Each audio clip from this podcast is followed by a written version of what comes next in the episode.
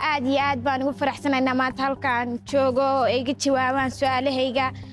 Waxaan ku faraxsanahay waxaan u malaynaya baarlamaanka inuusan ahayn meel la soo geli karin. Laakiin waxaan maanta ogaaday in annaga iska leenahay baarlamaanka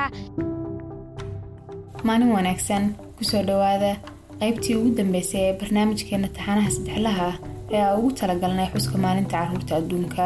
Toddobiyo tobankii bishii oktoobar ee la soo dhaafay toban carruur ah oo ku hadlaysa afka carruurta ku nool maamulka puntland ayaa la kulmay toddoba xubnood oo ka tirsan baarlamaanka puntland.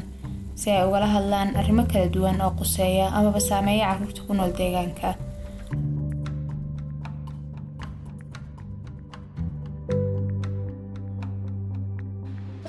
Soo dhowaada waxaan idinku soo dhoweynaynaa golihii wakiilada ee aanu wakiilka idinka ahayn waxaanu matalaa shacabka maadaamaanu shacabka matalo waxaan ku khasbanaanay wixii shacabku u baahan yahay inaan u soo fadhiisanno.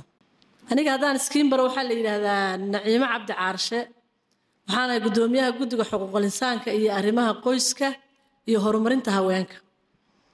Si gaara waxaa ii hoos yimaada carruurta waxaan soo dhaweynaya oo ku faraxsanay saaka inaan hortiina fadhino. Runtii aad baan idiin soo dhaweynaynaa. Waxaan rabnaa inaanu idinka dhagaysano baahiyaha iyo waxyaalaha madaxiina ka guuxaya ee aad saaka u damacdeen inaad golaha wakiilada ku timaadaan. Carruurta ayaa ka hadlay caqabadaha soo waajahda badanaa carruurta deegaanka sida helidda waxbarasho taya leh daryeel caafimaad xadgudubyada ka dhanka ah carruurta iyo saameynta isbeddelka cimilada waxaa jira dhibaatooyin badan oo carruurta deegaankeena soo wajaha maadaama ku hadlaya afka carruurta ku nool puntland oo dhan. Dhibaatooyinka kala hadlaya baarlamaanka waxaa ka mid ah carruurta oo dhan xaq u leeyihiin waxbarasho tayo leh balse aysan helin caafimaad tayo leh. Tacdiyada ka dhanka ah carruurta iyo xuquuqda carruurta naafada ah. Waxaan ka mid ahay ardaydii xuquuqda baahiya gaarka carruurta ka hadasha ee puntland waxaan ahay arday ka mid ah ardaydii la kulmay baarlamaanka waxaan ka mid ahaa qodobadan kala hadalay ama barnaamijka wadanay baarlamaanka carruurta baahiyaa gaarka qaba. Caruurta waxbarashada haysan carruurta caafimaad darada hayso.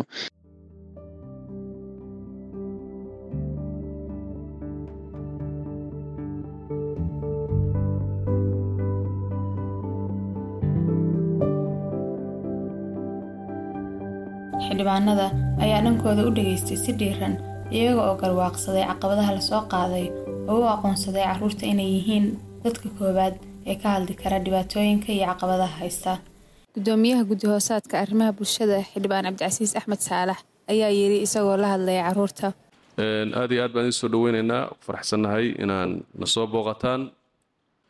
Waa qiimo weyn bay ugu fadhidaa annagana noogu fadhidaa inay soo booqdaan xarunta golaha wakiilada oo ah halkii dadka laga matelayey halkii baahiyaha iyo maxaanku idhaahdaay dadku waxa ay rabaan laga qaadayay oo lagu gaadhsiinayay hay'adaha ku shaqada leh.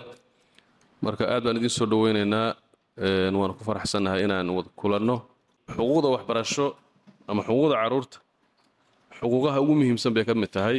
Waxaana tilmaamaya qodobka koob iyo soddonaad ee dastuurka ayaa ka hadlaya xaqa carruurta xuquuqda waxaa ka mid ah xaqa waxbarasho. Waajib dastuuriya oo dowladda saaran weeye in ilmo kasta uu helo waxbarasho. Oo uu helo meeshu hoy koobtii wax ku baran lahaa iyo macallinkii wax bari lahaa iyo maaragtay gaar ahaan dugsiyada weliba asaasiga ah. Laakiin waxaa laga yaabaa xaqaasi inaanu dadkii wada gaadhin oo ardaydii kuwo waxbaranayaana ay jiraan kuwo waxbarashadii awood u waayana ay jiraan. Intii uu socday kulanku carruurtu waxay soo gudbiyeen codsiyo iyaga oo ku booriyey xildhibaanada inay xoojiyaan ilaalinta sharciga kordhiyaan maalgashiga waxbarashada iyo daryeelka caafimaadka oo ay si toosa ugala tashadaan carruurta siyaasadaha saameynaya wax kaloo jiray inaan dhehnay kala hadna qodobada ka mid ahaa haddii jiraan xeerar ay leeyihiin caruurtu xuquuqda in la adkeeyo. Haddiina jirin qodobada qaar wadanay in loogu kordhiyo lagala hadlo. Maadaama a baarlamaanka yihiin sharci dejinta waxaan ka codsan lahaa wixii sharci ah xuquuqda carruurta la xidhiidha hubiyaan noona fuliyaan la xisaabtamaan qeybaha mas'uulka ah. Baarlamanka ayaa kaga jawaabay codsiyada carruurta ballanqaadyo ah inay mudnaan siinayaan ilaalinta sharciga iyo xoojintiisa qoondaynta miisaaniyad ku filan adeegyada muhiimka ah sida waxbarashada iyo caafimaadka iyo hubinta la tashiga iyo ka qayb qaadashada carruurta ee arrimaha saameeya noloshooda. Ardaday baarlamaankani wuxuu dejiyey sharci ardada siinaya xaq uu siinaya inay waxbarasho helaan taya leh. Waxaa leeyahay waxbarasho arday kasta oo reer puntland inuu waxbarasho helo waa waajib dastuuriya.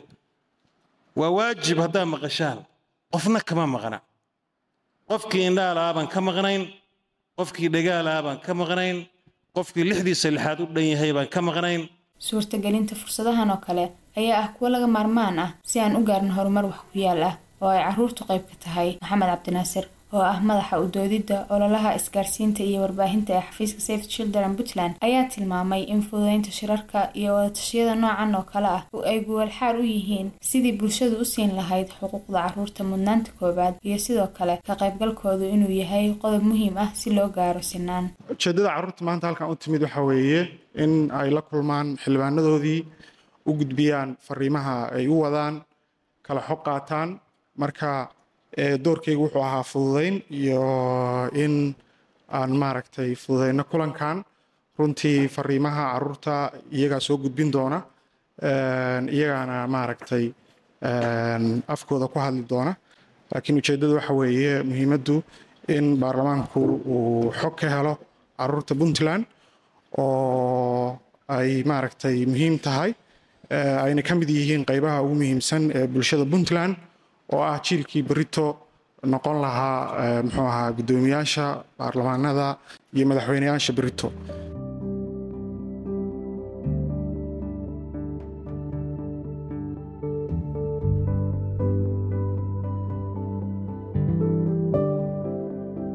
ka qaybtan waxaa daadihinaya anigoo ahaa siyaab dirsaaq waxaana si wada jira uga shaqeeyay soo saaristiisa maxamed cabdinaasir iyo saciid ciise iyo dhammaanba haweynta safe children soomaaliya wixii warbixin ama faahfaahin ah fadlan kala soco baraha bulshada ama websayteka safe children soomaaliya la soco sheekooyin iyo warbixinno xiise badan oo ku saabsan nolosha dadaalka iyo adkaysiga carruurta soomaaliya. Ilaa wakhtiga xiga waxaan idiin rajaynayaa maalin wanaagsan